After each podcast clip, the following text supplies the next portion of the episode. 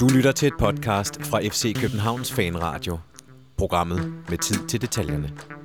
Efter en uge, hvor Benjamin Verbitz muligvis har haft mareridt over afslutningen af to indersiden af stolpen mod Apoel, og Thomas Delaney er blevet solgt til Tyskland fra den 1. januar, holder vi i fanradioen hovedhøjt.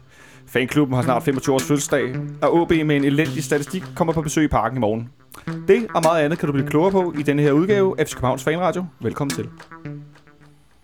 Og øh, velkommen også til panelet. Øh, den første paneldeltager, jeg har i dag, øh, sidder jeg til venstre for mig. øh, Christian Hertz, velkommen til. Jo, tak.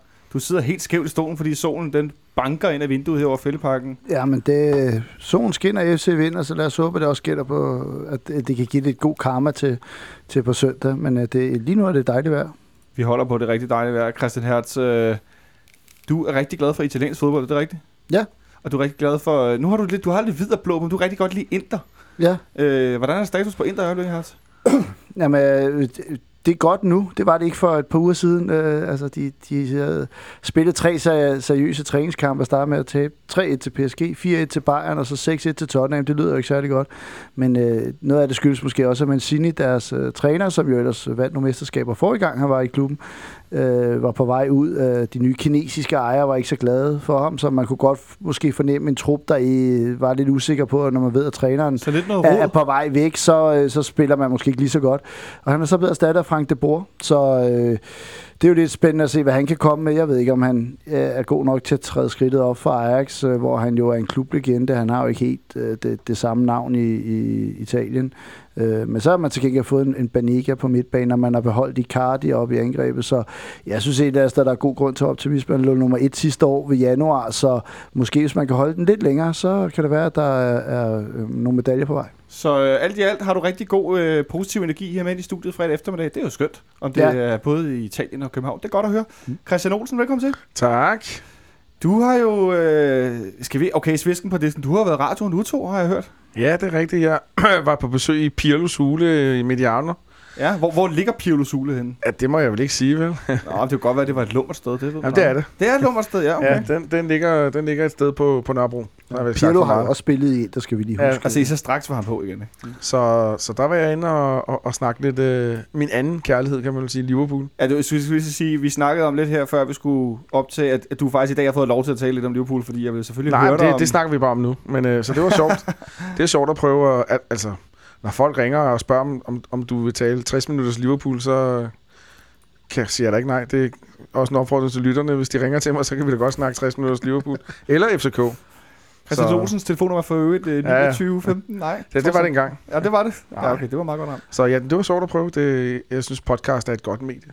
Ja. Specielt når man ser ud, som jeg ser ud. Så, øh, Hvem var det, du var sammen med i den der podcast? det var øh, Thomas Gravgaard. Ja. Øh, Fra Kanal 6? Eller ja, 6? øh, øh, en, en rigtig geezer. Ja. Øh, og han var ligesom med for... Øh, han er jo ikke Liverpool-fan, han er jo en Newcastle-mand. Han var ligesom med for, for at give den der sådan lidt... Øh, hvad er Liverpool for en by? Der har han været mange gange. Og hvad er det for en klub? Og, og han har skrevet bøger om emnet. Og også ved at skrive en bog om, om, om fodbold... øh, Sådan, sådan Rivalisering eller ja, fans eller rivalisering af og- fans Ja. og, og sådan nogle ting. Blandt andet, hvor han også skal skrive noget om Liverpool, så vidt han, han sagde det. Så, øh, så fint fyr, øh, kan mange sjove anekdoter. Så det kan være, du Ja. bliver citeret i Liverpool-bogen. Nej, det tror jeg ikke. Og dog ikke. Ja, det var vist skrevet det kapitel der, men, men gå ind og hør. Når I er færdige med at høre fanret, så gå ind og hør Liverpool øh, Mediano der. Det er i hvert fald en opfordring, der er med. Øh, Christian Hertz.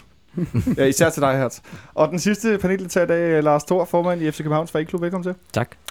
Lars, øh, jeg, jeg ved faktisk ikke, det er jo lidt sjovt, nu har jeg faktisk skrevet her, at jeg skulle selvfølgelig høre en lille status på, på hvad, hvordan det går ned i fanklubben, men har du egentlig en eller anden udenlands fodboldklub, du holder med? Jamen, jeg sidder og venter på Liverpool. Der blev sagt noget om Liverpool. Nu kommer der en del om Inter, men der skulle der komme noget om Liverpool også. Nu sidder så Ja, kan du så selv men gætte. hvem, har du en øh, Men det har jeg jo lige Nå, du har. Liverpool også? Ja, ja, ja, ja, ja. Ej, så, jeg skal, skal- så vil jeg hellere høre om fanklub, men ellers så går det helt galt på Olsen.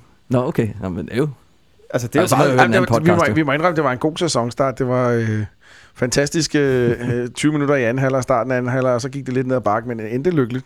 Altså, jeg ved ikke, hvad det var. Jeg så noget, det skal lige sige, det var første runde i Premier League, hvor Liverpool vinder 4-3 på udebane over Arsenal. Jeg Ja, så et eller vi andet samtidig. Øh, jeg kan ikke huske, om det var noget OL eller hvad det var. Det var vel Brøndby Sønderjysk eller sådan noget. Det, jeg ved ikke, hvad det var, men jeg fik i hvert fald sappet helt forkert, for jeg så et af de der syv mål. Det er alligevel... det ene var bedre end det andet. Og jeg, netop lige præcis, så, så skrev folk på Twitter, nej, frisbaksperle og langskudsmål, jeg ved fandme ikke hvad, og jeg gik glip af, af på nær det første.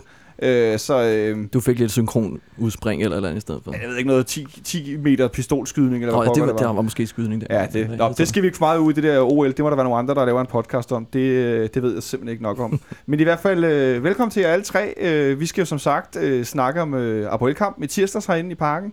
Så skal vi selvfølgelig tale om øh, Thomas Delaney, der er blevet solgt til Werder Bremen fra 1. januar 2017. Vi skal se lidt på lidt, lidt kort øh, transferstatus efter, de også havde her i mandags, hvor at, øh, at øh, Benjamin havde Martin Davidsen inde for tipsbladet, og øh, der har været lidt rygter om nogle forskellige spillere, og øh, vi har også frigivet en spiller på fri øh, transfer i dag. Så skal vi, øh, specielt med dig, Lars, Det skal siges, der kommer en lift bag dig nu. Der kommer en lift bag mig nu. Jamen, altså, øh, for et par gange siden, så var det en fugl, der gled ud på Der er kanten, og liv nu ude kommer der... femte sal her. Det er livligt. Nå, men øh, det skal vi også snakke om. Ja, ved femte sal. Nej, den, hvorfor der kører Ja, hvorfor der kører liften ud? Det Ja. skal vi selvfølgelig også tale om. øh, Den Ja. nye tribunesponsorat her på, på, på, på, hvad hedder det, på D-tribunen. Vi skal høre lidt om FC Københavns fanklubs 25 års fødselsdag. Og så til sidst skal vi selvfølgelig også tale om kampen i morgen herinde kl. 18.30 mod øh, OB. Der er masser at tale om. Så er det godt, at I tre er kommet ind, for der er ikke nogen her, der, der sparer på, på snak om fodbold. Så det, øh, det tror jeg tegner rigtig godt. Jeg synes bare, at vi skal springe direkte ud i dagens første emne, som jeg har glædet mig meget til, fordi at øh, kampen i tirsdags mod Apoel Christian Hertz, Mm. det var en kamp, som jeg stod med... Jeg var rigtig nervøs. Sådan de der afgørende knockout-kampe, hvor at jeg havde mere brug for at stå med armene over kors af nervøsitet, end at klappe. Øh, altså, at jeg var sgu... Hvis jeg havde siddet havde det været på kanten af sæde. Nu har jeg set kampen nogle gange efterfølgende, og jeg må indrømme, det svinger lidt med, hvordan jeg egentlig synes, vi spillede. Øh, hvad for en fornemmelse forlod du parken efter vi vandt 1-0 i tirsdags? øh, en sådan blanding af lettelse og skuffelse.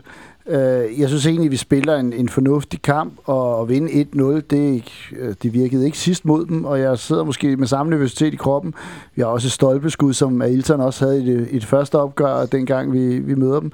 Øh, så... Øh, det er ikke sikkert, det er nok, men, men det kunne også have været, at de har scoret det her udebanemål, ikke? og så øh, de havde en gigantisk chance.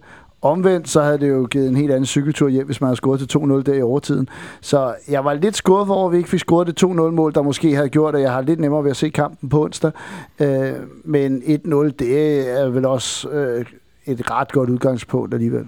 1-0 er et rigtig godt udgangspunkt, siger Hertz Christian Olsen. Øh, altså, hvad, hvad tænker du, hvad, hvad, hvad, hvad gjorde vi rigtigt i den her kamp i forhold til, at vi fik alligevel domineret en del, men, men hvad synes du, vi gjorde rigtig godt?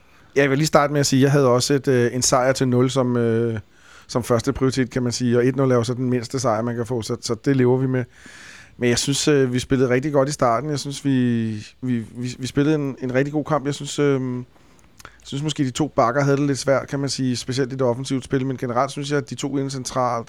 Jeg synes, øh, Santander endnu en gang viser internationalt øh, top forward klasse minus afslutningerne.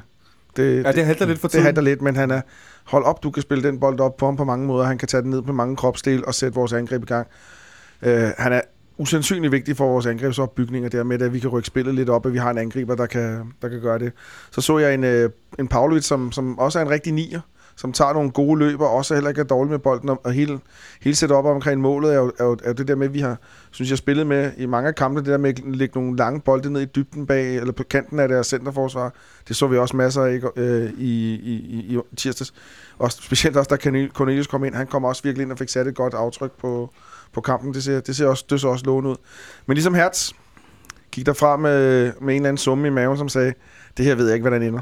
Nej, men når du ser, når du nu nævner, Baksen havde det svært, tænker du, Mm. at de... Jeg synes, at Ankersen var blandt vores bedste. Ja, men det, der kan du se, det, det er jo det, det, der er sjovt ved den her kamp. Jeg har også virkelig hørt mange blandede oplevelser af den, men når du tænker, at de havde det svært, tror du så, det var fordi, at Apoel var god til at lukke ned for deres spil, for vor, eller vores spil? Nej, der er ikke nogen tvivl om, at øh, Apoels øh, to bedste spillere, det er deres to kantspillere, i hvert fald offensivt. Mm. Øh, øh, vi snakker også om det ene studie, deres lille 70'er på højre kanten, det er rigtig, rigtig dygtige, driblestærk spiller. Øh, også rigtig dygtig til at falde og rulle rundt og sådan nogle ting. Den anden over på den anden kant øh, øh, i, i, frem, tror jeg, han hed. Han var, han var ikke så, skinnede ikke så meget igennem, men, men det er helt klart det, at de prøver at satse på deres, deres angreb ud, kan man sige. Så det, det ligger også et stort pres på vores to backs, at de møder så hvad skal vi sige, driblestærke, kombinationsstærke og hurtige spillere, en, stærkere end de er vant til, ikke? Mm. Lige præcis. Nu er det meget sjovt, at vi står alle tre, øh, Christian og Christian her to gange. Nu plejer det at være tre, nu er vi gået en ned efterhånden med, med Vildens, der har forladt programmet. Øh, Lars, du står bag målet og ser fodbold, hvis jeg ikke øh, tager meget fejl. Det er korrekt. Øh, det er jo altid en anden oplevelse, som nogle af os ofte tager, når vi på udebane. Når du ser sådan en kamp som den i, i tirsdag herinde, og Olsen han snakker noget om kantspillerne har det svært og sådan noget. Øh, er det egentlig, hvor meget ser man egentlig det, når man står dernede i forhold til, at vi har meget øh, sådan længderetning i banen, øh, og så lidt med den ene og den anden spiller. Er det egentlig noget, som man på samme måde lægger mærke til? Mm, altså, men jeg tror, man... Nu har jeg selv stået på langsiden også i tiden, jeg synes, jeg synes, man ser for mit vedkommende lige så godt. Der er nogle, nogle detaljer måske, der glipper lidt i forhold til sådan dybde perspektivet, man lige ikke lige kan se, hvordan en bold ligger, eller hvor den havner henne. Men altså, man har jo, i hvert fald, når, når den angriber nedad, har du ganske fint blik for is, især bakspillet, og, og hvordan det fungerer. Eller, eller fløjspil for den sags skyld, om du vil. Men, men altså, når det er sagt, så de her har, har jo lidt ret. Altså, jeg synes faktisk også, at Ankersen spillede, efter jeg så kampen ja. igen, en ganske fin kamp. Men igen, der, altså, problemet var jo måske nogle af de indlæg, der skulle have været. Ideen med de tidlige indlæg fungerede jo øh, i tanke ganske godt, men nogle af dem havnede jo så bare ikke lige helt Nej, fordi vi har fået et spørgsmål fra en lytter, der går på de her dødbolde, som jeg jo også ja. stod ved at rive øh, mit sparsomme øh, begyndende grå hår ud af mm. hovedet over. Øh, altså, frispark, der kommer for tæt på målmanden, hjørnespark, så kommer forsvars, øh, forsvarsspiller. Er vi for forvent med rigtig gode dødbold, eller var det, øh, er det virkelig en tendens? Altså, jeg, altså, jeg vil jo være hård at sige, det, jeg synes, det er lidt en tendens, vi også så sidste år. Altså, der, der, der mangler måske lidt sådan lidt, er det, er det hårdt at sige, øh, sådan lidt koncentration, det er en klassiker at sige. Øh, men, men jeg synes måske, der var nogle, nogle situationer, hvor, man, hvor der var nogle situationer, altså, hvor det var oplagt, at man måske kunne have fået mere ud af det. Øh, nogle af de sidste, sidste minutter blandt andet, der blev, jeg mener, der er der Austinsson, mm. der bare ligger et, ja. et håbløst, ja. hvor den bare ryger ind i farven på målet, og man tænker, den, altså, du kunne have gjort hvad som helst der nærmest. Det kunne man godt have gjort lidt bedre, ja. Jeg tænker, altså sidste år, der, der lavede vi jo flest mål af alle i ligaen på dødbolde, så, så det er jo helt klart et sted, vi er rigtig stærke. Men øh, i, i mod Apoel var der for mange dødbolde, der ikke lykkes. Altså, og det kan være nervøsitet, det kan være, at, øh, at tingene er anderledes. Jeg undrer mig også over, hvor mange der ramte forreste mand. Øh, altså, og det, det tror jeg ikke er, har været oplægget, at det skulle ligge der. Øh. Om ret konkret, så var Ståle ude og kommentere på det efter kampen og sagde, at det var en af de ting, som var ikke fungerede i hvert fald. Ja. Øh, så, så det er jo noget, vi kun kan være enige om, det der sådan, med, at, det, at de var dårligt taget alle sammen, eller dårligt udnyttet, eller dårligt løb, eller et eller andet. Så. Nu snakker vi lidt om øh, Apoel øh, før, og øh, de har nogle gode kantspillere. De satte, også, øh, de satte Vander med det store skæg mm. ind til sidst, som også var rigtig god spiller, øh, ligger op til deres store hovedstødschance, hvor Robin Olsen kommer på tværs. Øh, hvordan var din forvent eller hvordan indfriede eller ikke indfriede Apoel dine forventninger, Christian Olsen? Nej, men jeg synes, de var nogenlunde der, hvor jeg havde regnet den med. Øhm, 4-1, 4-1, tror jeg, de spiller. Øh, de, de havde ham der Soterio på top der, eller hvad han hed. Han, han var ikke særlig bevendt. Øh, ja, og så var det nogle, nogle, rimelig, nogle rimelig fysisk stærke alle sammen. Man behøver ikke at være lige stor for at være fysisk stærk, men no, nogen, der godt kunne give igen. Jeg var glad for, at deres, øh, deres brasilianske midterforsvar gik ud i halvlejen, og jeg håber, det ikke han spiller returkamp, for det er deres bedste forsvarsspiller, synes jeg. De andre gjorde det nok dårligt, så altså egentlig et, et, det er bare et godt trænet hold, og de ser ud som om, de ved, hvad de vil. Mm. Hertz. Be- bedre end Astra, ikke? Altså, Helt sikkert. Fordi man, man, Astra, man havde jo sådan lidt, øh, at, at Astra har forsøgt at kopiere det lidt, ikke? Øh, mange ældre, rutinerede spillere, taget lidt sådan rundt omkring øh, for hver, men, men de var bare slet ikke der. Altså, de, de havde jo slet ikke den plan. Det er helt tydeligt, at, øh, at det her det er et hold, som har prøvet rigtig mange ting, og de vidste udmærket godt, hvad det krævede at komme og få et godt resultat for parken. Det fik de ikke helt. Øh, jeg tror, at, at de, de var nok tilfredse med, at det kun blev 1-0, ikke? men jeg tror godt, de ville have haft den, den udligning. Øh, altså, det er også helt tydeligt at se, at i den, i den fase kom der rigtig mange dybdeløb. De vidste godt, at det var nu, de skulle til at slå til. Ikke? Så brænder de så den hovedstadschance, der rigtig dukker op. Jeg tror, de var helt, helt vildt tilfredse med 1-0. Det var også tydeligt. De forserede jo heller ikke specielt meget til sidst. De, det var stadigvæk sådan nogle kontrachancer og sådan mm. nogle ting. Så, så det var det fint med. Øh, jeg fandt en artikel på Cyprus News eller sådan noget lignende. Du har været uden stor vang, kan jeg Ja, ja. Øh, jeg har også linket til den på min Twitter, så man kan gå ind og læse den der. Og, og det eneste, de nævner i den artikel, det er stort set, det, det der skal slå, det der skal bringe den videre dernede, det er 12. manden. That's it. Deres uh, transfervindue har været helt vildt uh, dårligt planlagt. Deres uh, træningsopstart har været dårlig og sådan nogle ting der. Så, uh, så det, altså, jeg ved jo ikke, om det er spil, spil for galleriet, fordi hvis der er noget, de kan, så er det spil for galleriet. Så det kan godt være, at de ikke... Altså, de skal har, løftes videre. Ja, det kan godt være. Er det altså, lidt tanken på køberen? Det tror jeg. Fordi de nævner selv i artiklen, at FCK er et klart bedre hold end Rosenborg. Det er da meget interessant, Lars. Øh, fordi jeg, jeg er sådan lidt ude i, at øh, jeg prøvede at, at lokke din øh, gode ven ned fra fanklubben, øh, Andreas Jensen, herind. Ja. Ace, som jo var på, på Kyberen i 2009. Ja. Eller i hvert fald få ham igennem på en telefon. Eller, men han kunne ikke, han kunne ikke være med. Øh, fordi at øh, jeg skulle høre om, hvordan, hvordan pokker er der i, altså i Apoel, og hvad er der det der stadion, og hvad, den der orange mur og så videre, ikke? Men jeg tænker lidt, øh, det ved jeg, det gør I jo også meget ud af som, som, altså, som med, med fankultur, det her med at skulle, at skulle øh, pifte i starten af kampen og udbaneholdet, alle de her ting. Øh, hvor meget tror du, det kommer til at betyde for, for det nuværende hold, som jo er, altså vores, som jo er bedst på hjemmebane? Altså, det, det er altid svært. Det er sådan en gissning der, hvor, hvor meget det betyder, fordi altså, alle, de er jo professionelle spillere, så de burde jo et eller andet sted være givet til at kunne klare det. Men, men når det er sagt, så er det jo nogle andre vilkår, end de, end de måske lige nu er herhjemme. Altså, der er alt andet lige varmere dernede. Det bliver nogle andre vilkår, altså, som vi også kender. Vi har, også, vi har jo set for dengang i 9, og også Rosenborg-kamp for den sags skyld. Mm. Altså, der er bare lige nogle andre, nogle andre tips og tricks, der foregår på det stadion der, end de måske er vant til, når de spiller i, i Herning eller, eller Haderslev for den sags skyld. Jeg så det så, også ting i går. Ja, præcis. Ja, altså, det, det, er, går, ja. det, er nogle, det, er, det er noget andet. Altså, jeg tror, det kommer til at betyde, altså, men hvis man skal altså, helt nøgteren, så burde det jo ikke gøre det, men, men det er jo svært at sige, så jeg tror, selvom de har været ude at sige, at det her, det, kom, det, det betyder ikke noget, men det tror jeg, det gør. Altså, det, et, et lydindfald, altså nu i Stavre i sin, eller støjer, som man vil, ikke? Altså, det må jo alt andet sætte sin spor, hvis man ikke kan høre noget som helst, eller der bare bliver piftet af der. Vi så det med Rosenborg, dengang vi i sin tid. Mm. Altså, øh, det var der også noget folk... I 2010, ja. Ja, præcis. Altså, hvor der var, altså, det var et inferno i virkeligheden, ikke? Det, det tror virkelig også, det påvirker Rosenborg-spillerne dengang. Altså, man husker i hvert fald, som jeg husker det, havde det i hvert fald længere tid, hvor de ikke havde nogen sammenhængende afleveringer, simpelthen fordi der blev piftet så meget. Og selv de norske kommentatorer mener faktisk, var inde og kommentere på det, at de var bedre til at pifte af de norske spillere, end at støtte sig i hold. Men det så ud til at virke, så altså, jeg, jeg går ud fra, at de får nok den velkomst, de forventer. Eller? Der, der er ingen tvivl om, at, øh, at det, at det er svært at spille på udebane. Det der med, at når øh, dommeren lader sig lidt påvirke, og når man laver en fejlaflevering, så står der et helt stadion og, og enten øh, holder, altså, løfter dig, eller prøver at gøre alt, hvad du kan for at hylde dig ud af det. Ikke? Øh, det, der kan være en lille fordel, det er, at, at klubben ved det. Der kan godt være ikke så mange spillere, det var Skåls Anker, Kvist og et par, måske øh, en eller to mere, ikke? Altså, som har prøvet det. Men, øh, men Ståle har også, altså de ved, det, de, de får Altså, det, nu går de ind på banen med den følelse af, at det, her, det, bliver, altså, det skal vi tage højde for. Ikke? Hvor sidst har Kvist sagt, at de blev nok lidt overrasket over, hvor hektisk det egentlig var. Ikke? Og det gør de ikke denne gang. Altså, der er helt klart nogen, der siger, okay, vi skal virkelig være, være opmærksomme på det.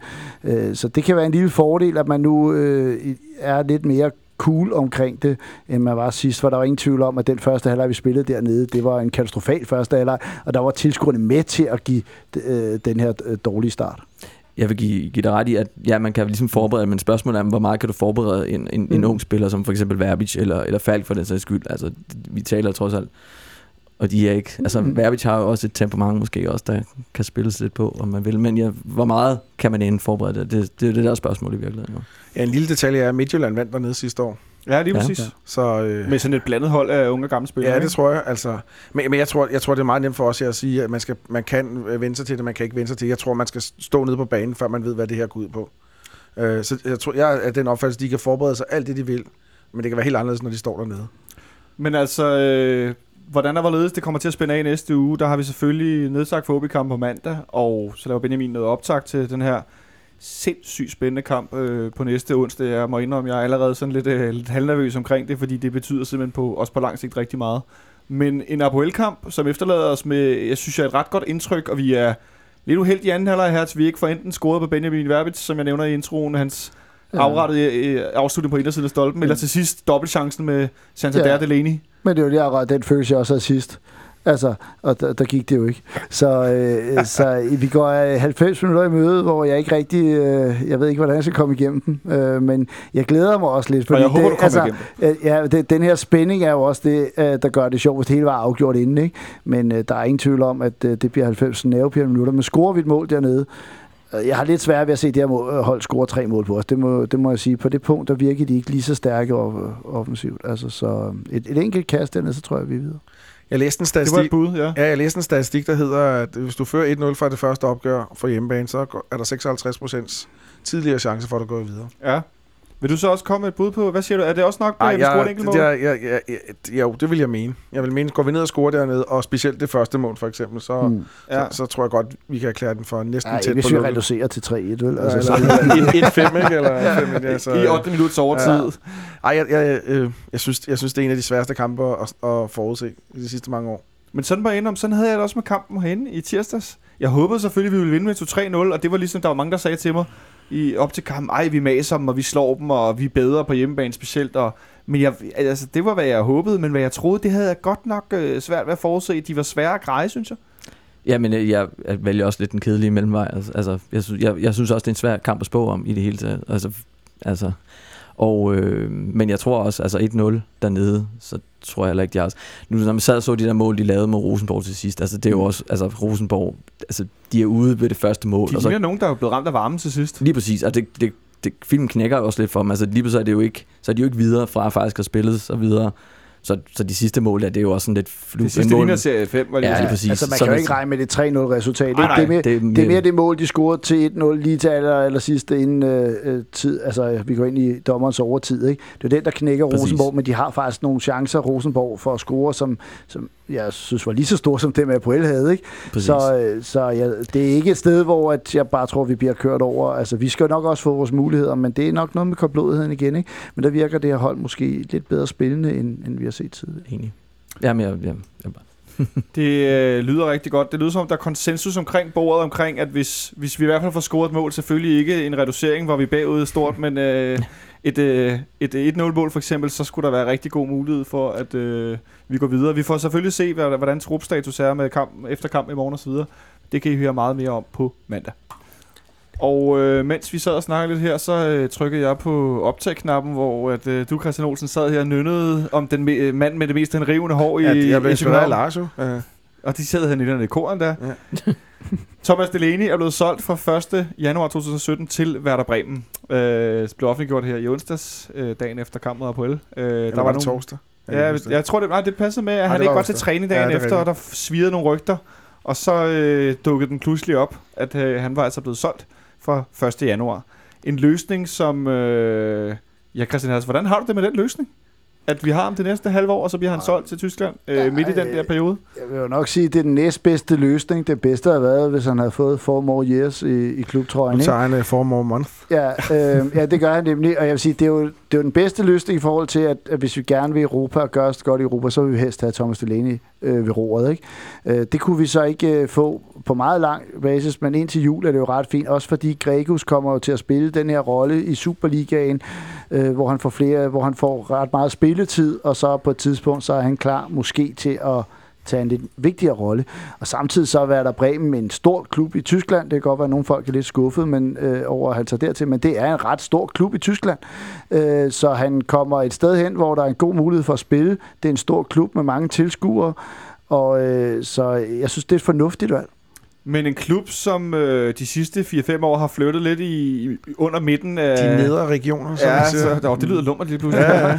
øh, og jeg skal lige sige, at jeg har meget varmt i studiet. Ja. Nej, øh, men en klub, som har ikke ligget den bedste del af den, øh, Bundesliga de Ja, sidste par de år. har skiftet lidt træner og lidt sportschefer og sådan lidt af hvert, men generelt set så er jeg 100% enig med, med Hertz, at øh, jeg havde jo en helst haft, jeg, jeg har tid, meldt tidligere ud her til Berlin og sådan nogle ting, så så jeg her til Berlin mod Brøndby, så det er meget fint, at han ikke ryger derind. Nej, de er ikke så gode, Men nej. jeg havde, jeg havde egentlig helst set ham i her, øh, med Borussia Mönchengladbach.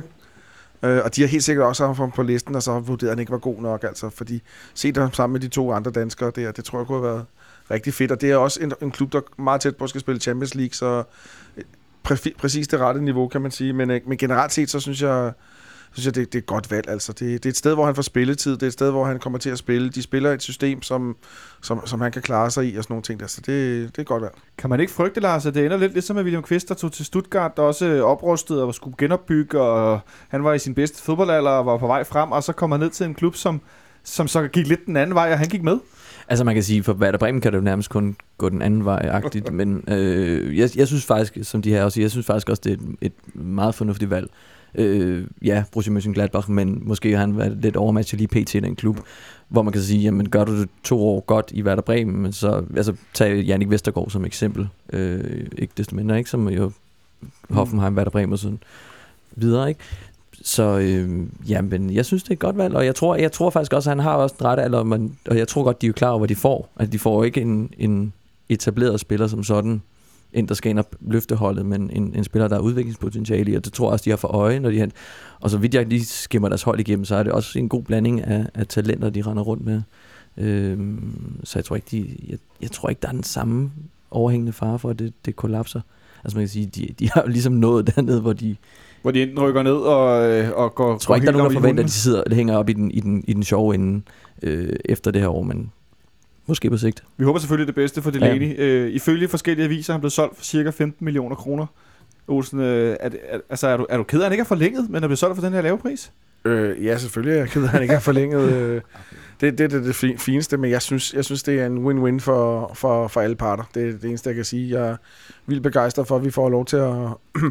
Min frygt gik på, at vi solgte ham efter, øh, hvornår vi fandt ud af, hvordan vi var kommet med Champions League, eller altså sidste kamp havde været på, øh, på udebane mod øh, Apoel.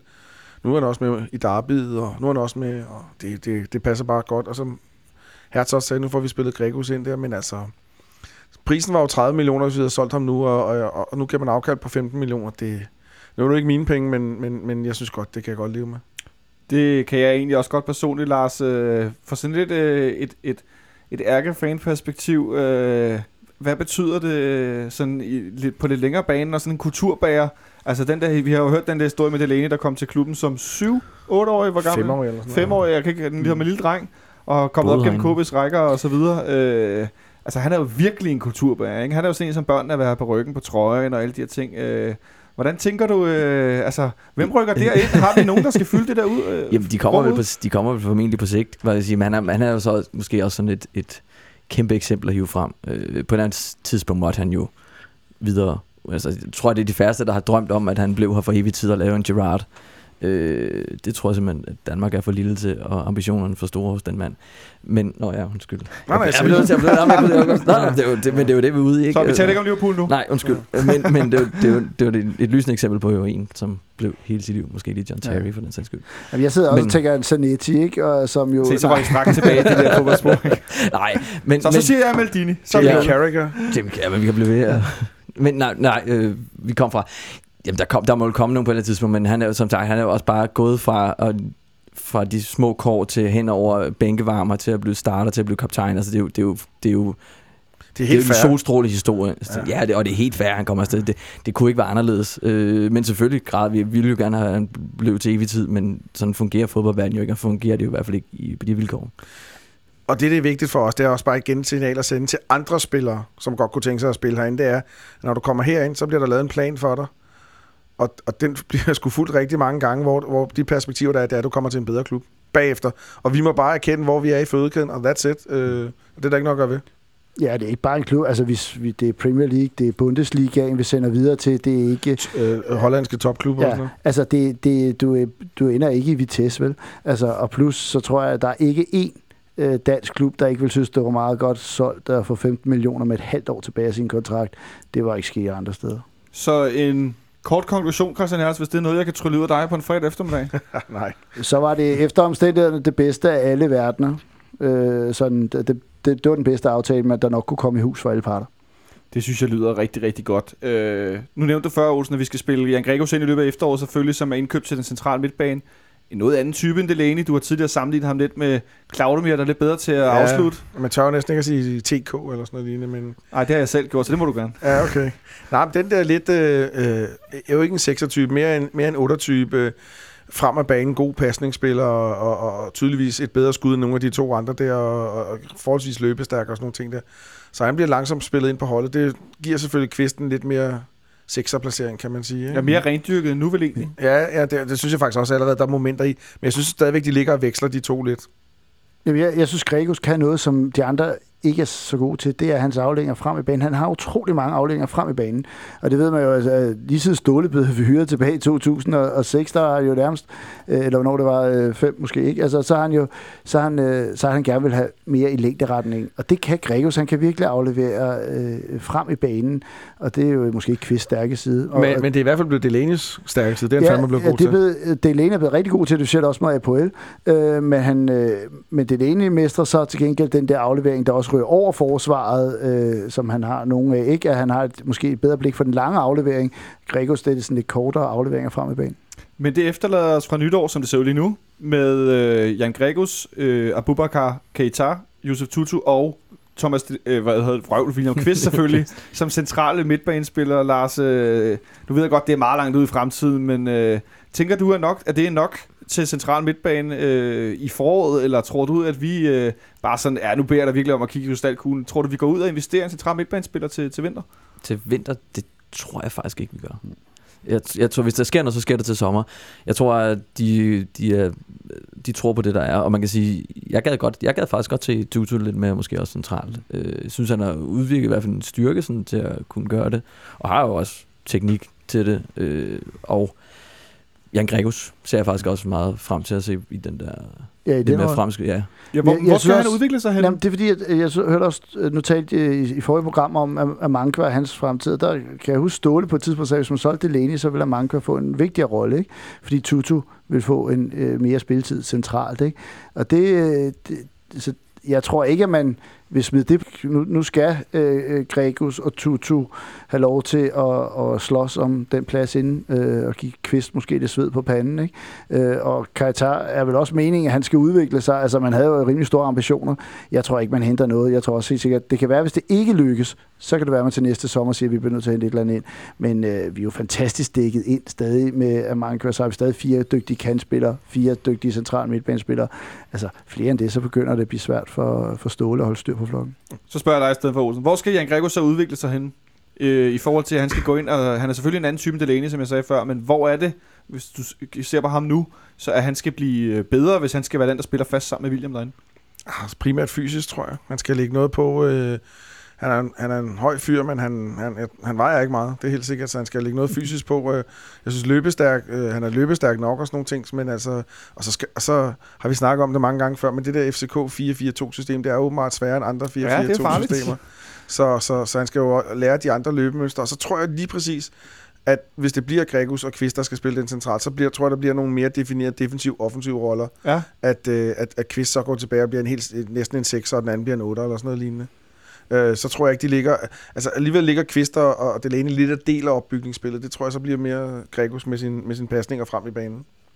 Men jeg sidder også og tænker, at vi kommer til at mangle en bolderober på midtbanen. Altså, jeg, nu har jeg, jeg har ikke set særlig meget til Gregus, men, men det er jo lidt det, du siger med at bygge lidt mere fysik på, fordi det er jo lidt det, Delaney også den funktion har haft. Ikke? Altså, ind at bryde og fysisk stærk og tager de der nærkampe, og tager de der tilbageløb, hvor man sidder og tænker, hvor fanden kom han fra? Han har lige været op i det andet felt. Øh, så jeg glæder mig til at se, om han kan udfylde den rolle, fordi jeg er lidt bange for, at Kvist alene ikke kan være den der oprydder, fordi det kan han nogle gange komme til. Jeg synes, han kommer nogle gange til at placere sig lidt. Problemet bliver måske, hvis Kvist bliver skadet. Det bliver Fordi så spiller du med Gregus øh, Tutu ind på, øh, på den centrale midtbane. ja, så kommer vi frem over stepperne. Ja, og så er der måske en, en masse plads at spille derinde for de andre hold, og så ved de jo, det er jo ikke to spillere, der måske har deres øh, spidskompetencer i, i, i sekserspillet for eksempel. De er ikke så gode til at erobre bolde og sådan nogle ting. Det, det kunne godt være noget. Så ved jeg ikke, om de så smider Abubakar Keita ind i stedet for. Men på et, øh, på et meget offensivt hold, som det er lige nu, synes jeg i hvert fald i forhold til tidligere udgaver af FC Københavns øh, hold de sidste par år, jeg synes i hvert fald, at vi spiller meget mere frem af banen. Øh, vi angriber mm. Måske lidt mere frit. Det er måske fordi, de spiller rigtig godt sammen. Det skal jeg ikke øh, begynde at begive mig ud i en eller anden vild taktisk analyse. Men jeg synes i hvert fald, at det virker mere angrebsivrigt. Øh, det gør det blandt andet fordi, at vi har rigtig gode backs. Øh, Ludvig Augustinsson, den ene Christian Hertz, som øh, er blevet rygtet til Werder Bremen her til næste sommer. øh, allerede nu her oveni, at de lige skrev kontrakt med Thomas Delaney, så, øh, så dukker der pludselig en historie op om, at Ludvig han, øh, han var på vej til, til Bremen også til næste sommer. Hvad øh, tænker du, det kunne være et godt sted for Ludvig, eller er det virkelig for hårdt øh, med Bundesligaen for ham? Altså, Oscar Wendt er jo blevet en stor succes nu i, i øh, Gladbach, men det tog noget tid, ikke? Fordi øh, der, der var ligesom øh, klubikonet, der spillede på hans plads til at starte med, så han, og Bengtsson er røget holdet i, i Mainz, så det er lidt svært at sige, om, om Bundesligaen er helt det rigtige sted for Ludvig. Men, men lige nu skal han jo ikke tage den beslutning. Altså, fordi øh, det vil være dumt at, at sælge ham nærmest med ni måneder. til, altså, der kan ske så meget på sådan noget tid, ikke? Så øh, jeg synes både klub og, og, og Ludvig skulle vente og se, hvad er der egentlig, der dukker op hen af foråret, fordi han har jo stadig flere år tilbage i sin kontrakt, og jeg ved godt, de har lagt en plan, men det handler om, at det rigtige skal dukke op, ligesom her med Delaney. Ikke? Så øh, de, har jo ikke, de har jo ikke travlt, så øh, medmindre de kommer med en guldrende kontrakt, og det tror jeg simpelthen ikke, at Werder Bremen helt har de penge lige nu, som man kunne forlange. Tror du, han ville kunne holde hovedet på plads, Olsen? Hvis han blev øh, solgt her i, i lang tid i forvejen? Det, Jeg tror, han er den spiller i truppen, der mest skal holde hovedet på plads. Han virker som meget afbalanceret. Og de snakker jo hele tiden om, hvor professionel han er. han træner for meget. Og... Præcis, men, men jeg synes, en problemstilling ved Ludvig, det er, jeg synes ikke, han har været særlig god. Han har været, han har været ok, men han Så er fik ikke, han også den. Nej, nej, nej. Men han er, lad mig lige prøve at forklare. Han Ja, har ikke ja, været ja. den Ludvig, der, der slog igennem øh, det første års tid der. Og, og en problemstilling, det synes jeg, det er ikke Ludvigs skyld, det er FCK's skyld. Det er, at han har den plads helt alene. Og han spiller ja. stort set alle kampe, og øh, har, været til, øh, har været med til EM, har et kortere sommerferie end de andre og sådan nogle ting der. Jeg kunne godt tænke mig, at manden også fik nogle pauser en, en gang imellem, fordi, og så kunne jeg for også godt tænke mig, hvis vi regner med, at han bliver solgt i 2017, så kunne jeg godt tænke mig at have den nye vensterbak, som skal spille i vores utrolig komplicerede 4-4-2-system. Ja, allerede her for nytår, ikke? Allerede for nytår, ja. så, kunne- eller nej, allerede for nu. Ja. Øh, Tror du ikke, det bliver meget i forhold til at skulle have dem begge to til at spille, hvis man henter en allerede nu her? nej, fordi igen, hvis du ligger en plan og siger, du spiller de og de kampe, eller du kommer til at spille noget pokalturnering, du får lidt kampe i Superligaen, eller lyd, vi holder. Øh, og så når vi nærmer os sommeren 2017, så er det dig, der har den plads, hvis du leverer varen. Det er da en god plan. Øh, så skal man bare have en med på den, ikke? Ja, ja, fordi det kommer jo an på, hvem det er, man, man vil se som uh, erstatning uh, på Ja. længere sigt. For hvis det er et ung talent, så kan han jo sagtens løbe der og presse Ludvig. Hvis det er en meget etableret spiller, så er det ikke sikkert, at han synes, det er okay at kun at spille hver tredje, fjerde kamp. Altså, så det kommer også an på, hvem man har i kikkerten uh, til den her plads. Men jeg tænker, at senest til nytår skal man begynde at finde det, fordi noget, der er kendetegn det her hold, er, at man har været ude i god tid, og det har virkelig båret frugt. Så nytter det ikke noget, at ja, dengang, hvor at, uh, man skulle erstatte uh, Lars Jakobsen i, i første omgang, hvor man gik i, i øh, For lang tid.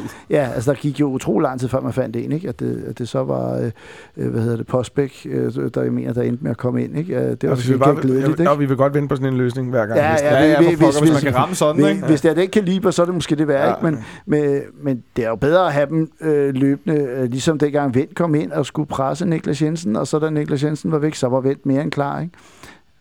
Vi har også ramt lidt af et streak på de der vensterbacks efterhånden. At Jamen lad os bare fortsætte med det. Da Pierre han skiftede, der øh, havde jeg flere kammerater, der sagde, uanset hvem der kommer, og Ludvig kommer, og han er dygtig, så dykker vi en lille smule, og så steg det altså opad derfra i niveau, ikke? Fordi at Ludvig, som Olsen siger, startede jo som...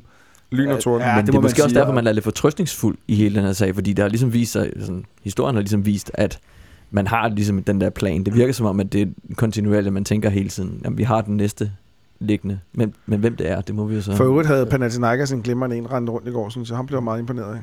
Du har taget noter, høre, det er rigtig godt. Niklas Hult, svensker. Ja, Ja, han Og spiller ham, rigtig øh, godt. Ja. Og så vil jeg sige, man glemmer jo tit Brian Ovidio i alt det her, ikke? som Fantastisk. bliver solgt til, til Everton og spillede for rygende også. Ikke? Altså, så han kom lige med sig ind mellem alle svenskerne. Ikke? Så, altså, Faktisk min favorit af alle de der venstrebacks. Den, Ja. ja. den med det største og offensive... Øh, Ej, det, det, Han var jo nærmest sige, venstre ja. vinge, ikke? ja. Ja. præcis. Og, og med tiden lærte han at forsvare, og så blev han solgt for, for hvad? 25 millioner. og sådan noget. Men apropos svensker, så har, øh, har der været et bud på Erik Johansson, som, øh, som Ståle øh, har været ude åbent og sige, at det bliver, har, har de afvist et bud på 22 millioner, hvis jeg ikke tager meget fejl. Ja. Så jeg synes, jeg så skrevet. Har vi noget gæt på, hvem det er? Olsen? Ja, var det ikke Besiktas? sådan Ja, noget? præcis. Jeg nåede bare aldrig at se en artikel, hvor det stod, så nu tænker jeg, at jeg skulle høre, at der var nogen, der kunne øh, belejlige Ja. mig her. Øh, så Besiktas, Besiktas har altså budt 22 millioner på Erik, som jo også spillede EM og gjorde det efter omstændighederne, synes jeg, ret godt. Øh, men øh, Ståle har klart afvist og sagt, at det skal være et, ligesom med Ludvig, det skal være et kæmpe bud, hvis det skal ske nu. Øh, hvor sandsynligt tror du, det er, at vi øh, skulle skille os af med ham nu? Jamen, jeg tror, der er 100% chance for, at vi sælger alle vores spillere, hvis det rigtige tilbud kommer. Men til 22 millioner, så tror jeg bare, tror jeg ikke engang, at de tager telefonen. Det kan Ja, altså det, jeg, jeg vender lige tilbage til det, men jeg tror, vores plads nu i, i det her store fodboldhierarki, det er, at hvis der er nogen, der vil købe vores spillere, så skal de få lov, men de skal også have lov til at betale. Øh, så, så 22 millioner for Erik Johansson, det er jo latterligt. Jeg er ikke helt uenig. Jeg synes også, det er et lidt frækt bud for en, øh, for en EM-forsvarsspiller. Men øh, Hertz, jeg tænker også sådan lidt, der vil vi stå i en situation med en svensker, der ikke kan spille, og en, der er ved at være lidt gammel. Og... Ja, men det, jeg vil sige, lige der vil det næsten være noget. Altså for det første er han været så kort tid, ikke? Øh, men det vil også efterlade et kæmpe hul, for han er ligesom udset til at skulle være øh, øh, sådan, øh, pillen i forsvaret, når Sanka forsvinder, at han ligesom kan videreføre det, og så kan der komme en ny ind ved siden af ham, ikke? Så før det også snart skal til klubben egentlig, ikke? Det vil også være rart, hvis han Ja. kom nu, ikke? Præcis. Øh, så, øh, det vil, så vil du fjerne et meget, meget vigtigt brik ud. Altså, han står ikke... Han er ikke den næste i køen til at blive skibet afsted. Det er Sanka, ikke? Så øh, i, i det lys, så, øh, så virker det helt fjollet at skulle sælge ham. Men alt er jo til salg, så hvis de, øh, hvis de øh, doblede det bud, så kunne det godt være, at Ståle begynder at lytte. Og så har han måske heller ikke spillet lige så godt i det her efterår, som han gjorde i foråret. Så, Så han har heller ikke fået ferie. nej, nej. Og vi kan, man godt, vi kan godt lige tage den kort. Ja, men Øh, jeg synes, det er en meget sjov detalje. Vi har også i tidligere programmer snakket om, at der var nogle lidt sådan nogle, hvad hedder, sådan nogle dødvægte i, i truppen. Og Poirier og i dag Steve de Ritter er blevet, er, er blevet Steve de Ritter Ja, free transfer. i free dag, ja. transfer. Og, og der findes jo stadigvæk en svensk forsvarsspiller i truppen, øh, Per, per Nielsen, som jeg godt kunne forestille mig også kunne få en free transfer. Det tror jeg nemlig også godt, efter den nyeste snak omkring, at øh, lige nu er han i god form, og så er han i stykker og så videre. Øh, men jeg tænker Men jeg bare, tror, det er meget afhængigt af, at, Med- hvilket gruppespil vi kommer i. det tror det jeg tror er jeg rigtigt, ja. Men Mm. med tanke på den her Sanka-situation, at han har kontraktudløb næste sommer, øh, en, en, en hurtig omgang, tror jeg, han forlænger eller bliver solgt her. Øh. Sanka? jeg, jeg, jeg tror, han skifter til en, til en anden klub. Øh, Snakker vi Sanka? Ja, Ja, han ryger transferfri til næste sæson. Den er I på, ja? Ja, tror jeg. Jamen, jeg må jo nok desværre give ret til, at jeg godt kunne tænke mig, at han blev her lidt længere. Men øh, det ville jo være rart for kontinuiteten og så videre. Men han skal jo sikkert også ud og prøve sig igen. Det kan vi jo desværre ikke gøre så meget ved. Og nu skal vi snakke om noget, der er en, en lidt anden retning. Øh, Det er blandt andet derfor, jeg har fået besøg af dig, Lars Thor, fordi at øh, FC Københavns Fanklub har jo her med ikke så længe 25 års fødselsdag. Yep. En forening, som du er formand i. Øh, Nu sad vi lige, og øh, jeg spurgte lige her, mens vi holdt en lille pause, hvor mange der egentlig var medlem i, af Fanklub i studiet. Det er vi alle. Næsten alle sammen. Næsten alt sammen. Øh, jeg peger ikke på nogen, Olsen. Øh, men øh, hvor mange medlemmer er der efterhånden af fanklubben? Jeg mener, det sidste tal ligger omkring de, omkring de 10.000, måske lige under. Måske lige under de 10.000. Ja, ja. en del under, lidt under. Så, Men vi er en, stadigvæk større i Brøndby, og det, altså, så, så, sige, så, er det, så er det vigtigt jo i, i, i, Ja, i hvad så er hedder det, i vatter. Øh, men altså en, en, fanklubs, øh, en fanklub, som har, har 25 års fødselsdag her om ikke så forfærdeligt længe, øh, som I fejrer. Ja. Hvad er det for en, øh, for en dag, der er? Ja, det, nu fanger du mig helt på forkert ben. Du er også godt det formand. Ja, ja, det er det, jeg, kan, jeg er dårlig med dato. Jeg har det i min kalender, og det er det vigtigste. Men altså, vi laver en, et, et helt arrangement, men ligesom, hvor vi kører to ligesom sæt, om man vil. Ja. Hvor vi har et øh, lidt receptions åben hus til at starte med i løbet af formiddagen for familier, eller middagstid, familier og venner af huset, så at sige. Lidt pindermad og lidt rødvin og lidt underholdning for de mindste og de, de største. Og Ja. så laver vi noget middag senere på dagen, aften, hvor man kan øh, komme ind og spise, og der bliver lidt underholdning, og så slutter det hele af med, med det store kalas. Jeg kan sige så meget som, det er den 8. oktober. 8. oktober. Jeg ville have sagt 9. hvis jeg lige kunne huske øh, men det var den 8. Jeres Facebook-event, som man kan finde, der hedder FC København Fanklub 25 års jubilæum. Der skal man Øh. selvfølgelig gå ind og lige melde sig til, og selvfølgelig også bare hele taget melde sig til på dagen, og være med til at spise, og komme og feste, og lørdag den 8. oktober. Øh, Yes. så, så det er delt op, så er der en masse for, for, for de unge, og så er der også noget for os lidt ældre øh, senere på dagen. ja, også de lidt, lidt yngre, kan man også sige. Også de lidt yngre. Ja, yngre, sådan senere på dagen. Også er der er unge og unge, ikke? Gamle, yngre. Alt, Men, jeg er jo også øh, yngre, så. Det er jo meget, jeg kan godt lide det der med, at fanklubbens fødselsdag ofte i, i alder læner sig rigtig meget op af, af klubbens fødselsdag. Det synes jeg, der er noget, noget, noget rigtig stærkt over. Øh, Jeg så også i den sidste udgave af, af Brølet, jeres medlemsblad, Yep. at der var øh, forskellige interviews med gamle medlemmer. Øh, den tidligere formand, Anders Larsen, og Claus Volter, som jo er nede i... I shoppen. Ja, hvad hedder det efterhånden? Megastore, Fanstore, Fan, fan, Fanshop, fanshop. hedder Jeg det tror, det det? er fanshop, gør Det det? er Fanshop, nu, ja. tror jeg. Ja. Er Øh, ikke til som man stadigvæk er... Nej, jeg, jeg er bare på shoppen også. Vi mødes Ja. foran shoppen, som man Ja. siger. Øhm, men altså en, en fanklub, som jo selvfølgelig også har forandret sig, ligesom øh, klubben har med tiden. I har blandt andet lige fået en ny øh, hjemmeside, har jeg set. Ja, det var øh, altså inden for kort tid faktisk har vi fået en ny hjemmeside igen, men og det er faktisk en lidt, både en lidt kedelig historie faktisk, Den, fordi den må du godt spares for. Ja. Den kedelige del. Den så tager vi den kedelige- sjove del. den sjove del, ja, men der er brug for et, et andet layout, og, og så Jamen, det er jo mest faktisk en kedelig del. En helt masse backend ting, og noget systemhåndtering og kontering af alle de her ture, vi, vi kører og sådan videre. Men, men vi savner også noget, noget lidt mere øh, grafisk pænere, end det, der var blevet lavet tidligere. Jeg sidder med den her foran mig, og den er rigtig, rigtig flot. Jeg synes, I skal gå ind og, og, og tjekke ud, hvis I ikke har gjort det inde på fckfc.dk, øh, hvor I, som du siger, blandt andet sælger rigtig mange busture Yes. øh, til næste uge. Det, skal, det kan jeg jo selvfølgelig reklamere lidt for, at, øh, det skal du gøre. at på næste fredag skal jeg sammen med nogle andre, som forhåbentlig bliver lige så nervøse som mig selv, jeg får helt svedige håndflader, lave optag til, til øh, Derby ude i, i Brøndby øh, i næste weekend. Øh, og der har I jo bustur også. Vi har bustur, som, som, som altid var ved at sige bustur til Brøndby, som man selvfølgelig skal gå ind og melde sig til. Vi har faktisk også i forbindelse med fødselsdagen også en øh, fødselsdagsbustur. Ja. Øh, ja, til Odense, så vidt jeg husker det er. Øh, jeg kan ikke huske, om den kom op, men øh, simpelthen i forbindelse med fødselsdagen, så laver vi også lige en fødselsdagstur. Øh, så man selvfølgelig for alle, både unge og gamle, især ældre, som måske ikke lige kommer øh, med bustur eller, eller andet, eller godt kunne tænke sig faktisk lige at komme ud og se, hvordan nu stadion ser ud i, uden for, uden for Storkøbenhavn. Jeg kan se, at den ligger ikke på jeres hjemmeside nu. Jeg kan se, at man kan købe bustransport på Kyberen også. Ja, det kan så er man det også. sådan noget, I står for. Kan du prøve at forklare, hvordan sådan noget fungerer? Ja, det er jo rent praktik, kan man sige. Øh, Vi gjorde det også i øh, forbindelse med Astra-kampen, hvor folk jo havde øh, slået lejr, var ved at sige, i Bukarest, og så sørgede vi sådan set for, at folk kom øh, til og fra busturen, eller bussen. Det vi gjorde det også, i, da vi spillede mod Juventus, hvor folk boede i, i Milano, sørgede for, at folk ligesom, fordi det ligesom var mere interessant måske at bo i Milano end, end i Torino. Så det er, sådan, det er sådan nogle af de her mindre opgaver, vi også laver i udenlands, når vi ikke har deciderede flyture, som øh, vi ikke har til Kyberen. Øh, men vi håber jo selvfølgelig på, at når vi enten skal spille Champions League eller, eller Europa League, at det selvfølgelig ændrer sig, at vi får vores, vores ture, hvor vi kan tilbyde hele pakken, hvad vil sige.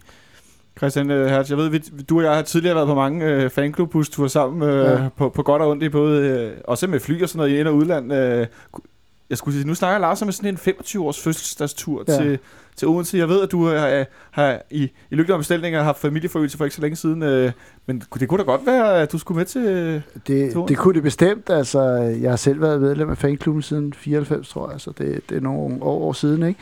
Altså, øh, fanklubben i mine øjne er jo lidt en, en blanding mellem en fagforening og, og en medlemsklub, altså sådan en fordelsklub, øh, så, altså, hvor man, der er en hel masse fordele, men der er også nogen, der vil kæmpe en sag for, som fan. Ikke? Så der er både sådan øh, øh, det der sådan lidt mere symbolske medlemskab, jeg har, fordi jeg ved, der er så nogen i kulissen, der vil kæmpe for mig, men samtidig også der er en masse fordele. Og jeg vil sige, at mange af de busture har jo også været utrolig hyggelige. Altså, de kan være farlige på en søndag, fordi det kan være svært at ikke ja, at man drikke op øl der, morgen. Ja, men, øh, men, men det er også der, man også møder en masse andre mennesker og, og et kæmpe netværk. Og, øh, øh, øh, nye en, en eller venner. anden grund, så er det slet ikke sikkert, at man overhovedet ville, ville have siddet her og lavet radio, hvis det ikke havde været for mange af de busture.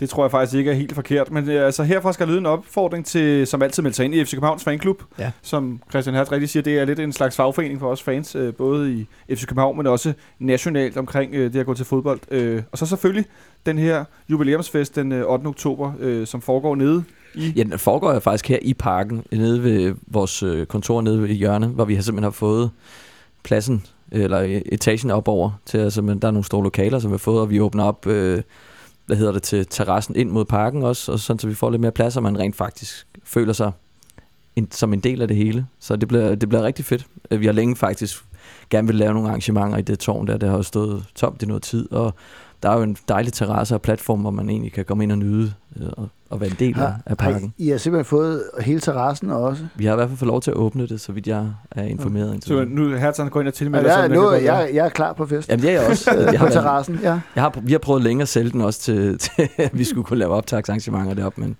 den er ikke altid lige faldet igennem i, på øverste etage. kan Nej, være, vi det, kan kan, det kan være lidt øh, farligt for klubben at, at åbne den alt for tit, for så kan der jo stå mange mennesker deroppe. ikke? Ja, det kan godt være. Nå, det skulle lukke ind kampene, men... Øh, men Det kan være, at vi når at lokke Olsen med, inden vi når så langt, og så øh, kommer han med. Du, du, No Olsen, Hvornår no var det nu, party, det som det man er 8. siger. oktober. oktober. Og oktober, ja. Du plejer også at være på fest. Der, der bliver noteret herovre, kan jeg se. Nå, gør det det? Nej, det gør der selvfølgelig ikke. Men det er fint nok. Øh, Det lyder rigtig øh, spændende, Lars. Jeg glæder mig i hvert fald til at komme forbi og Ja. ja. ønske fanklubben tillykke med de 25 år. Og du bliver der hele dagen, forventer jeg. Altså både til den lille formelle reception først, og fest om aftenen. Du ser reception, så er der pindemad. Det er jeg med på. Der er nemlig pindemad og rødvin. Men apropos øh, kampoptakt, så synes jeg bare, vi skal gå vid- direkte videre til kamp i morgen. Herinde kl. 18.30 mod øh, OB. Christian Hertz, OB, som har det Ja. meget svært i parken. Ja, jamen, det, de Hvordan sidste, er det, statistikken lyder efterhånden? Jamen altså, de sidste mange øh, kampe, så, øh, så har vi jo forbedret den og forbedret den og forbedret den. Jeg tror, vi er oppe på 14 kampe, øh, hvor vi har vundet de 13. Altså, de sidste 14 kampe har vi vundet de, de 13. Så har der været en enkelt uafgjort i 2010, hvor de fik 1-1. Øh, men det, der måske er også lidt bemærkelsesværdigt, er, at det kun er, lø- altså, det er kun to gange, vi kun har scoret et mål mod dem. Ja. Øh, og nu begynder jeg også at tælle her, hvor mange har vi så scoret to mål i de der... 1, 2, 3... Det var ikke mange, Det vel? god radio. Så siger vi fire, eller tre eller fire mål, eller mere, ikke? Altså, det hedder tre eller mere mål, må det være, ikke? 1, 2, 3, 4, 5, 6, 7, 8, 9 gange har vi altså scoret tre eller flere mål mod dem. Altså, det er jo himmelråbt elendigt, hvis man var OB-fan, så ville det, være, det ville gå ondt i ørerne, ikke? Ja, Vi det skal- gør det også. Ja, vi skal helt tilbage til, øh, til den øh, 5. maj øh, 2007. Øh, det er altså ni år siden, at... Øh, Hvad, hvordan, øh, der tabte vi eller hvad? Ja, der taber vi 2-1, i, i, og der taber vi 2-1 foran at føre øh, næsten øh, 33.000 hen i parken. Det er, hvor vi kan blive mestre øh, og kommer foran 1-0, taber 2-1. Det fører den kedelige tendens, vi har i den sæson, for vi taber også pokalfinalen efter at have været foran 1-0 og taber 2-1. Og gud hjælp mig, da vi skal fejre det hele herinde mod Esbjerg i den aller sidste kamp, der scorer vi også til 1-0, men taber 2-1. Så selvom vi vinder mesterskabet, kommer i pokalfinalen, så var det alligevel sådan tre gange, hvor at det blev sådan lidt tam fest. Øh, men siden da, der har vi ikke set os tilbage mod OB, og, og som sagt kun en uge gjort 13 sejre. Øh, det er alt sammen i Superligaen der. Vi tæller ikke pokalfinaler med, øh, hvor vi førte udebane og så videre. Øh, så det er i Superliga-kampene. Så øh, OB plejer at få stry herinde. Det er jeg dog ikke helt sikker på, at øh, vi kan fortsætte med. På et eller andet tidspunkt må de jo vinde, ikke?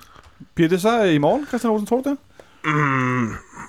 Spørgsmålet er jo, der ligger en kamp på onsdag og venter om, hvor meget den betyder, men jeg, truppen er udtaget, og, og han har udtaget de stærkeste, de stærkeste. Han sparer ikke nogen, men det kan godt være, at han sparer nogen i startopstillingen. Det ved vi jo allerede, at uh, Ja, starter inden. Ja, det ved vi. Så, så, Hvem bliver det så i stedet for?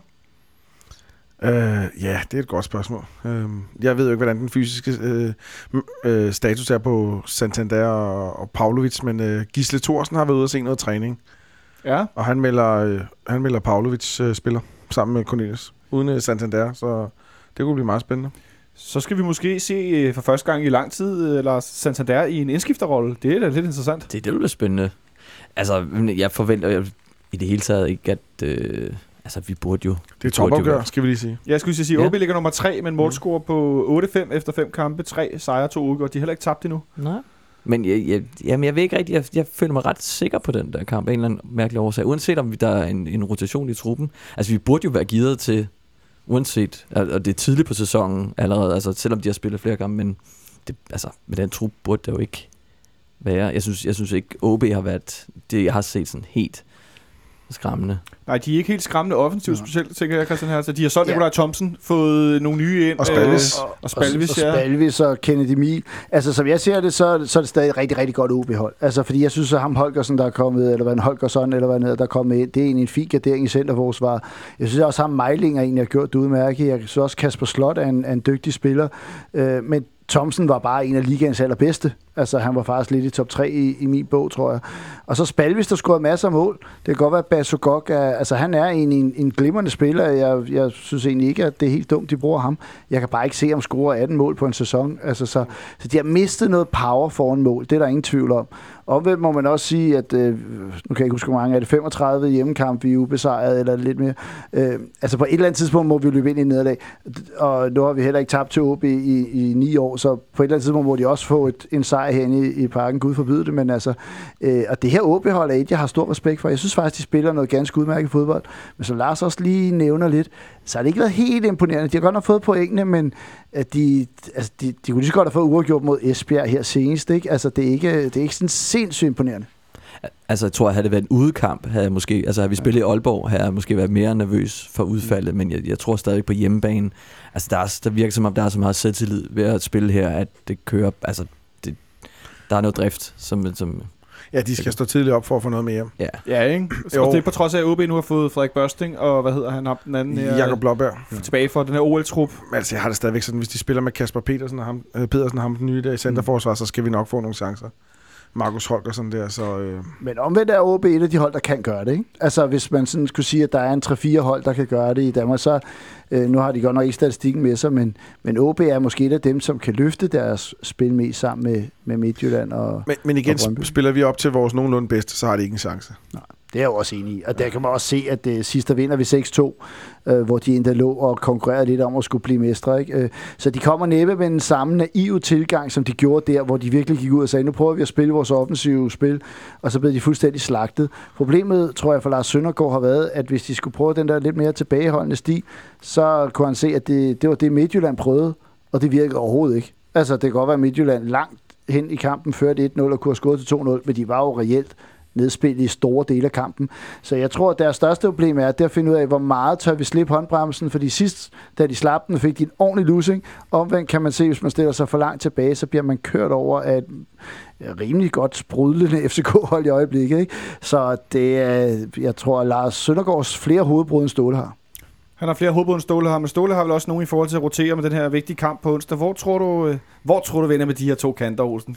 Et skarpt bud, ikke Ja, så meget fedt spil som Men, sidst. nej, men der er ikke noget fedt spil, fordi nu Og har jeg godt. lige siddet og set, hvad Gisle Thorsen, som har været ude at se træning, skriver. Han skriver Kasper Kusk og Yusuf Tutu. Så, Så er der fuld rotation. og Kasper Kusk er jo også, har jo også øh, scoret et par kasser mod OB, så vidt som jeg husker, så øh, det kan han jo snilt fortsætte med. Så jeg havde en idé om, Falk ville, ville spille, fordi jeg havde en idé om, at Falk ikke skulle, ville spille nede på Kyberen. Så jeg tror, han ville spille med dem, der ikke skulle starte nede på Kyberen, specielt på kanterne, som vi er jo enige om, at dem, der bliver skiftet mest på, fordi det er også dem, der laver klart mest. Men øh, det tyder så på, at hvis Falk ikke starter, eller Verbitz og Falk ikke starter, så er det dem, der starter på Kyberen. Så Det kommer lidt an på, hvornår Tutu bliver skiftet ud, ikke? Jo, det med. Falk, ikke? Hvis det sker for tidligt i kampen, så kunne det godt være, at Tutu Det det starter godt ind være. igen, ikke? Men jeg tror hele tiden, at man er nødt til at, at se de her dobbelt uger, hvor man spiller to kampe, så er man hele tiden nødt til at kigge frem og se, så passer pengene på en eller anden måde, ikke? Og så, så, Så hvad hedder det, og ifølge Gisse, så er det Delaney og Gregus, der spiller, og det har nu også været det, der har været de andre kampe, hvor det er William, der får pauserne, øh, i stedet for Delaney. Så Antonsen i centerforsvaret for øvrigt, i stedet for Erik Johansson og sådan nogle ting der. Så du kan godt forestille dig, at der kommer lidt rotation også på andre steder end... Øh... Jamen det har han jo også sagt, Ståle. Han sagde jo også, øh, at der bliver skiftet ud på en 3-4-5 pladser. Må ikke hyggeligt også få lidt spilletid? Hyggeligt kunne få det spilletid. Er vi så ude i Venstrebank nu, Lars, som vi snakkede om før, der, Altså, jeg- der jeg- løber for mange meter? Altså, jeg, Eller ikke for mange, men løber der, rigtig var mange. en, der var en valid pointe omkring øh, Augustinsson og hans, hans meget spilletid hen over sommeren og alt muligt. Så jeg synes måske også på et tidspunkt, jeg synes også, han har, jeg synes heller ikke, han har haft helt den der, den der pondus der, som vi har set tidligere fra ham. Jeg, jeg kunne også godt unde ham måske en pause.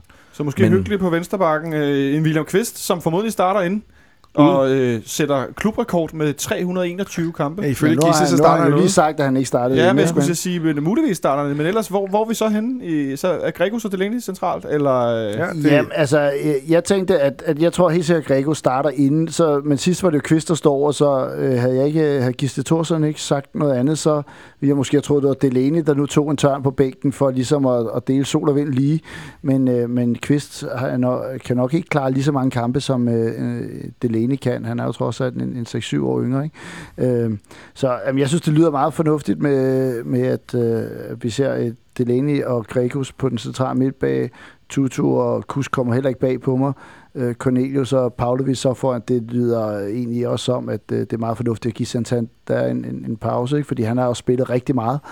Øh, øh, der, hvor man kan sige centerforsvar, det var måske, om det er Sanka, der skulle have en lille pause i stedet for Erik Johansson. han har også spillet alt. Øh, fordi han har også spillet, ja, øh, men omvendt så, øh, så er han også måske i, altså som Olsen sagde, der var nogen, der har været til EM, og måske godt kan være lidt mere trætte, også mentalt, så måske for at holde dem hvilen.